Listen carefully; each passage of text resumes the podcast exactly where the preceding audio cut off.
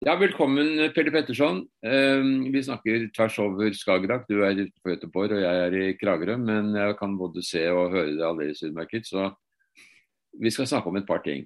Ehm, for det så må jeg jo gratulere deg med at du har fått eh, Magne Olssons eh, hederspris. Ehm, det er jo veldig vel fortjent, og det må bety spesielt mye for deg. Du var jo hans gode venn, og det var jo deg som fikk han inn i professionell seiling egentlig? Hvordan startet Ja, det stämmer.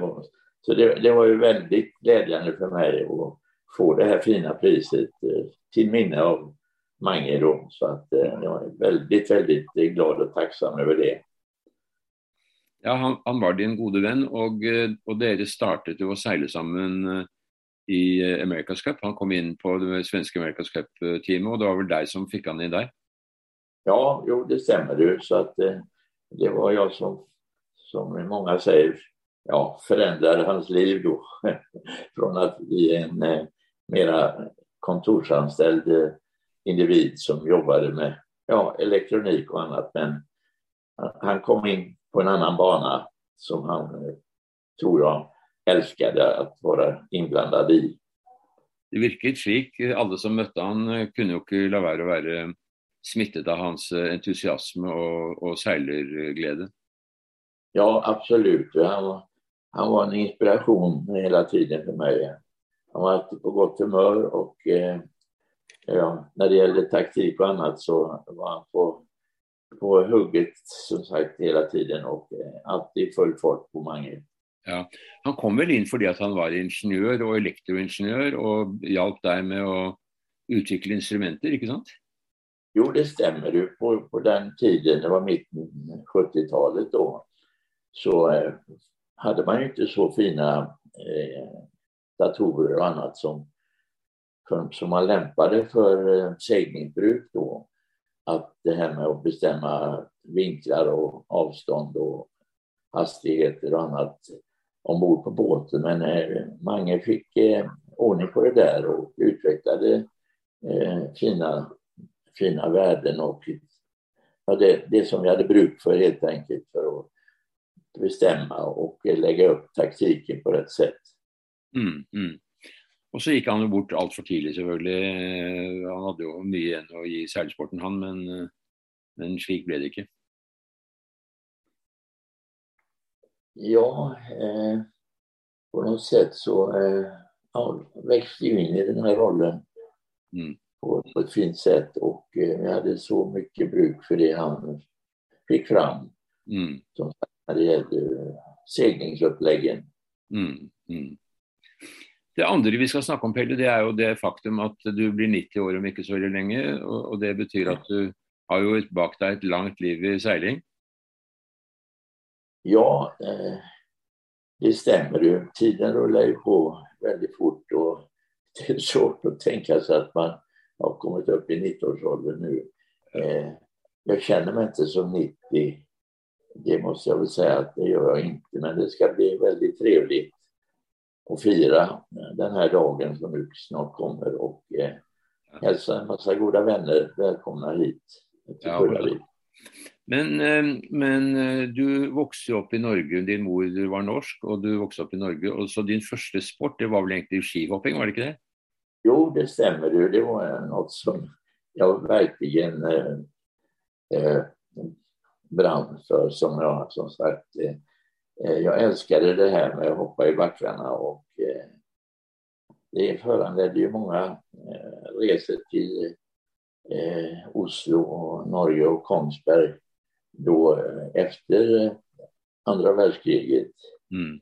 Då, ja, ja, ja, älskade den här sporten och som sagt eh, resorna till Kongsberg och träningsläger med Bröderna Rud exempelvis ja. i eh, Färslöcka då i, i Kongsberg. Det, det, var, det var något visst med det. Klart, det må det ha varit. Men så var din far var ju egentligen i bilbranschen. Han jobbade väl i Volvo uh, medan han var i Norge. Ja, så det var väl där du, det var väl där du egentligen började din yrkeskarriär, var det inte det? Jo, det, det stämmer. Vi, vi bodde i närheten där i Snaröja och eh, min far jobbade på Isbergs eh, bilförrättning på Majorstua. Mm. Och eh, han var ju racerförare, den här Isberg, och eh, entusiast för motorsport. Och min far var behjälplig då att trimma hans eh, racerbilar så att eh, vi hade en fin tid i Oslo på den tiden. Ja, Og eh, et ett av de prosjektene som du är mest känd för är jo Volvo P1800 som du, som du tegner, som var helgenbilen och som var en legendarisk eh, Volvo-bil, Og fremdeles er det. Ja, eh, mitt eh, bilintresse det, det vaknade ju eh, genom det här eh, arbetet min far hade då med och bilar och racertävlingar och den typen. Så att eh, ja, jag fastnade för det här med, med bilar och eh, hade, fick ju sen en utbildning genom min far då som var inriktad på eh, bilar och bilkonstruktion. Så det är min far som är orsak till det mesta, måste jag säga.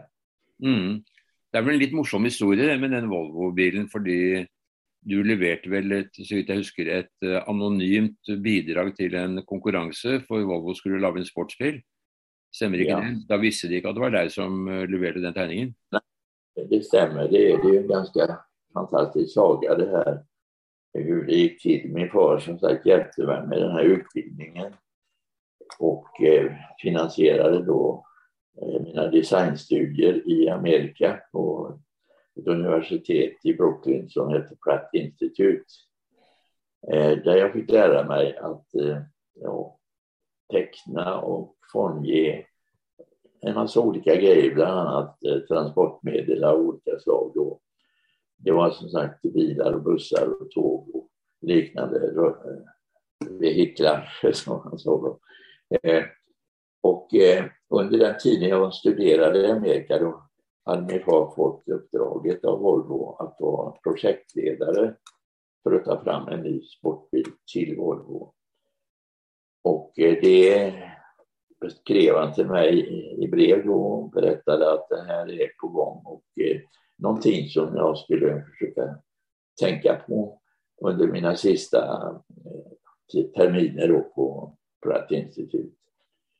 Så jag hade ju påbörjat tankegångarna till det här under den tiden min far var runt i Europa och tittade på olika karosserifilmer som var tänkbara att kunna ta fram en sån här sportbil.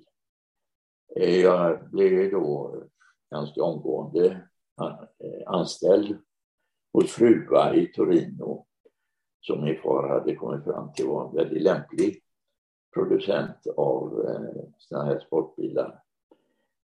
Så dit for jag ganska omgående och eh, satte igång och jobbade där och vidareutvecklade de eh, tankegångar jag hade eh, under skoltiden i Amerika då, och förfinade dem inför förslag då, som skulle skickas till Volvo-ledningen.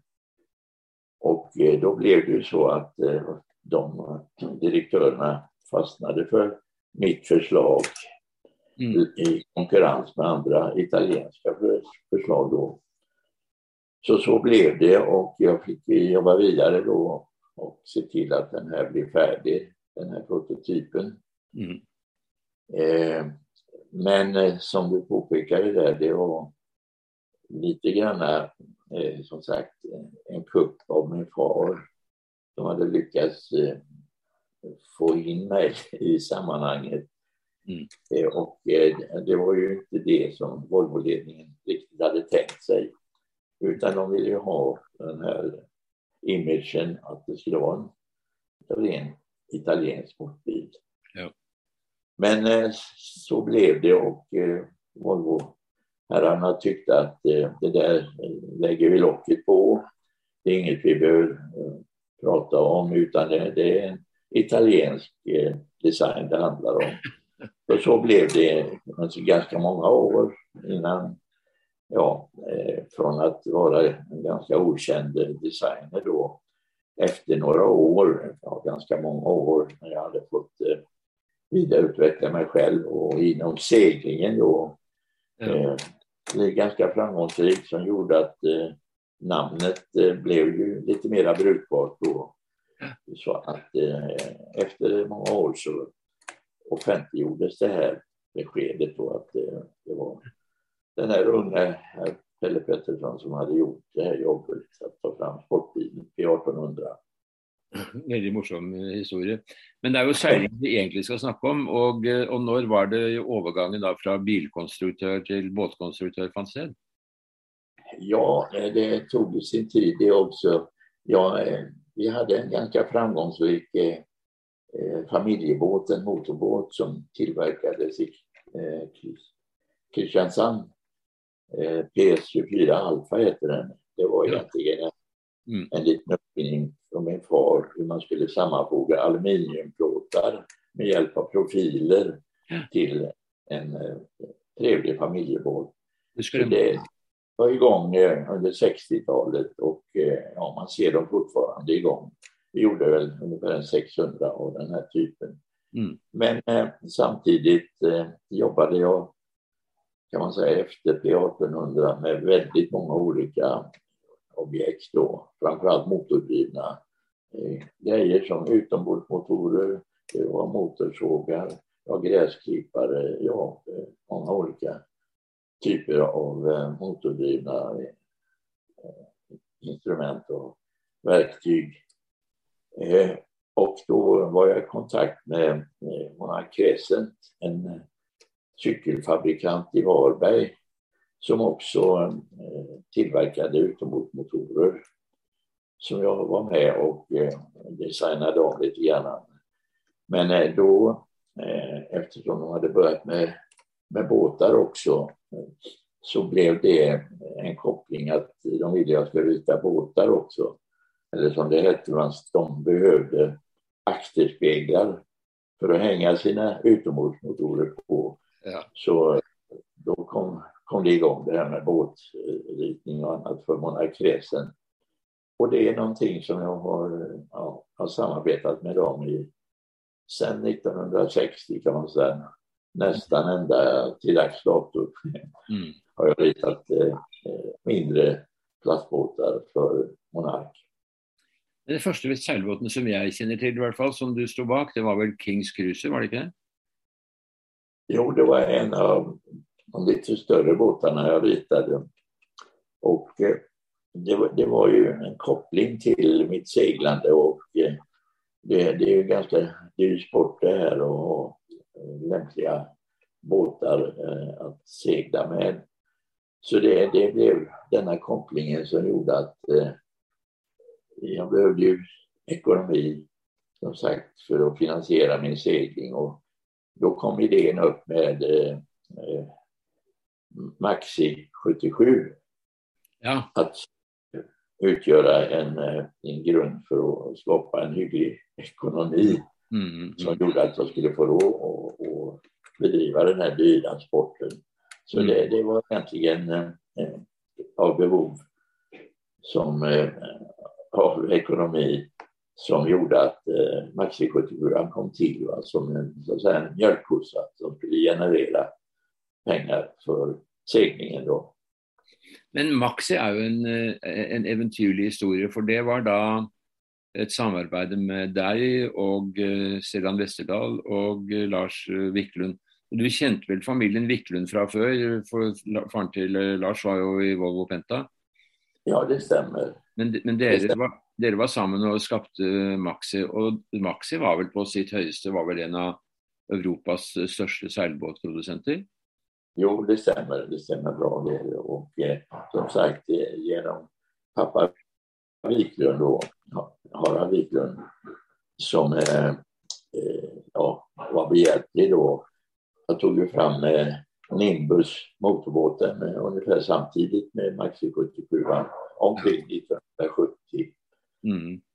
Så eh, även Nimbusen blev ju en, en succé som gjorde att eh, ja, företaget, vårt lilla företag inom båtbranschen, det växte väldigt snabbt där och som du säger, det, det var nog störst i Europa då på den tiden. Ja. Och så sålde dere dere ut eh, da Det var väl runt 1970, var det inte det? Och så gick dere in väldigt tungt i America's Cup.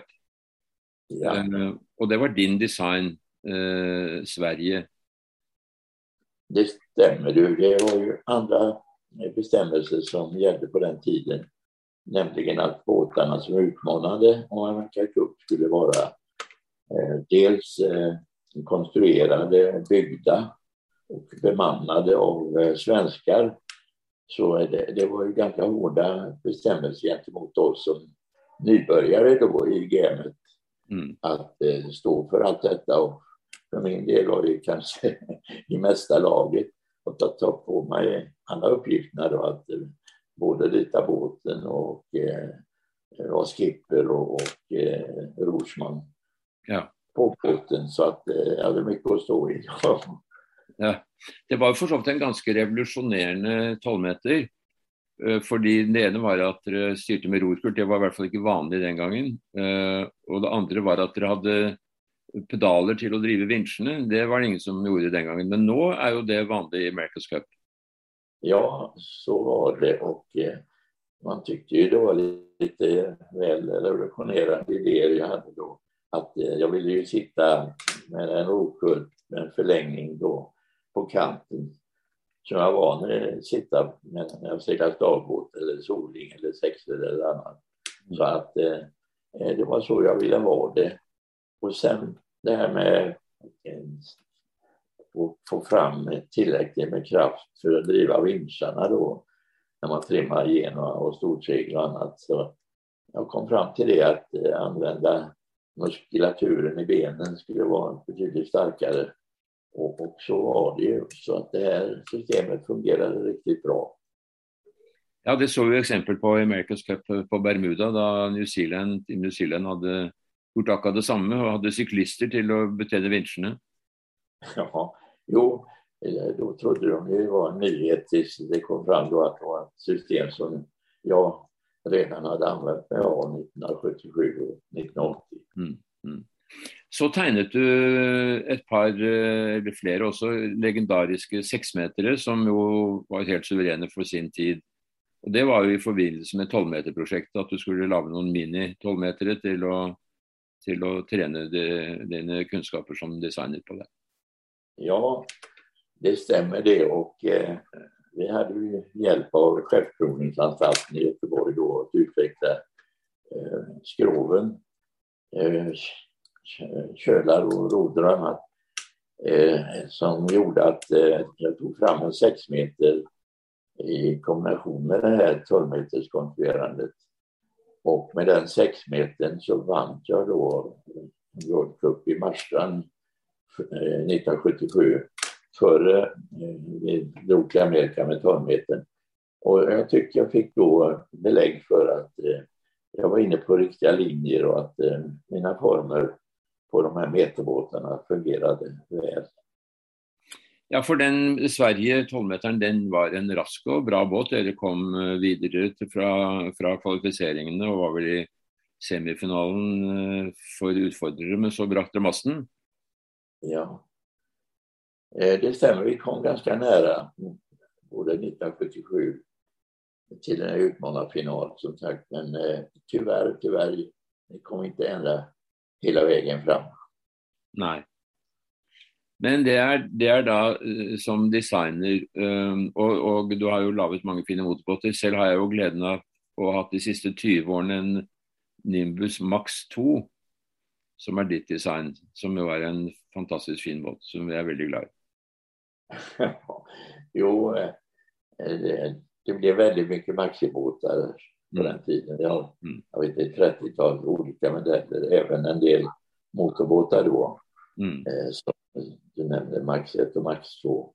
Mm. De blev väldigt populära och eh, ja, som sagt produktionen rullade på väldigt fint eh, under 70 och fram till 80-talet. Men sen eh, avtog ju det hela en del under 80 90-talet så att eh, det gick, eh, ja, vi fick eh, minska företaget Maxi betänkligt då. Ja. Men låt oss snakke om Pelle Petterson som seiler, fordi eh, där har du också satt eh, uh, dype spor etter deg. Du har två olympiska medaljer i Star, och og seilte jo Star inntil ganske nylig også. Og, eh, så det er det som har vært din båtklasse, da. Jo, det, det är väl den båt, eh, båttyp jag älskat mest. Eh, jag har ju konkurrens lite grann med sexmetersbåtarna som ju också var grunden till att man fick konkurrera med, med de flesta stora legendarer och seglare inom sporten och framförallt naturligtvis ståndbåtsklassen där jag eh, lyckades vinna då ett eh, världsmästerskap i San Diego 1970, 1969 som väl är det som jag betecknar som min största seger.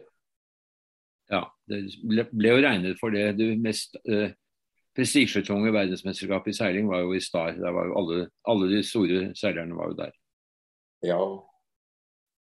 Och de, de här kopplingen då mellan företaget eh, Pelle Pettersson AB med maxibåtar var framgångsrikt. Eh, sen kopplat ihop då med mina egna eh, framgångar inom eh, sporten segling mm. som gjorde att eh, eh, självförtroendet växte alldeles otroligt. Så att, eh, det var det som var grunden till eh, att vi hoppade på den här utmaningen om att segla om Amerikas Cup. Mm. Hvor har blitt av den tolvmeteren nå, Sverige? Förlåt, en gång till. Hvor er blitt av den tolvmeteren, Sverige? Hvor eksisterer den fremdeles et sted? Alltså förlåt, du, eh, den eh, existerar fortfarande. Jag såg den var till salgs i, nere i Tyskland. Ja, i närheten av eh, Hamburg tror jag det var. Det var den var till salu ja. nyligen. Ja. Så den lever. Ja. Och sexmetarna dina lever också? Jo, då, det stämmer. Nu har jag inte seglat sex meter på ganska många år, men eh, som sagt, eh, det blev eh, tre World Cup-segrar i sexmetersklassen och eh, mot väldigt tuff konkurrens. Har bland annat eh, Ted Turner och eh, allt vad de hette i Amerika, Ted Turner och Blackwaller och Buchan ja. och ja, många av de stora namnen. Absolut. Och, alltid med. Och det, det, var ju det som var sporrande, att få verkligen tampas med de absolut bästa. Men fem och en halv meter prövade du aldrig på? Tyvärr, tyvärr blev det inte så mycket med det just då, utan det var sex meter som var eh, den populäraste under de åren på mm. synnerhet 80-talet. Mm. Men så började du med klädsproduktion. Det var väl dina barn egentligen som eh, satte igång med det? Ja, eh, det är min dotter som är Cecilia som är chef för det bolaget och, och designar kläderna och ja, leder företaget. Och det, det går riktigt bra. Ja. Det går bättre och bättre och de växer och nu är det väl företag med 50-tal anställda och 20-tal butiker runt om i Sverige. Mm. Ja, det finns väl någon i Norge. Det gör det. Så tror det, det, viser jo også at Pelle P är ett gott märkenamn. Ja, det, det, det, verkar som det fungerar ganska bra. Att mm. folk eh, ja, känner till mig och eh, jag försöker stå för det här med kvalitet och, och eh, ja, att det är snygga och funktionella kläder det handlar om. Mm. Men alltså i år blir du 90 år, och, men du seiler fortsatt? Du har en seilbåt? Ja, det har jag och eh, ja, jag förväntar mig att ta några små turer efter kusten nu ganska omgående. Jag får mm. vänta tills efter födelsedagen, men eh, vi ska ut på havet, det är säkert. Mm, mm, mm. Um, det var hyggelig å snakke med deg, som det alltid er, Pelle. Og uh, jeg håper at du får en veldig fin fødselsdagsfeiring. Og uh, og uh, lykke til med seilingen også i årene som kommer. Uh, takk, takk, for praten. Stort tack ska du ha, Mikael.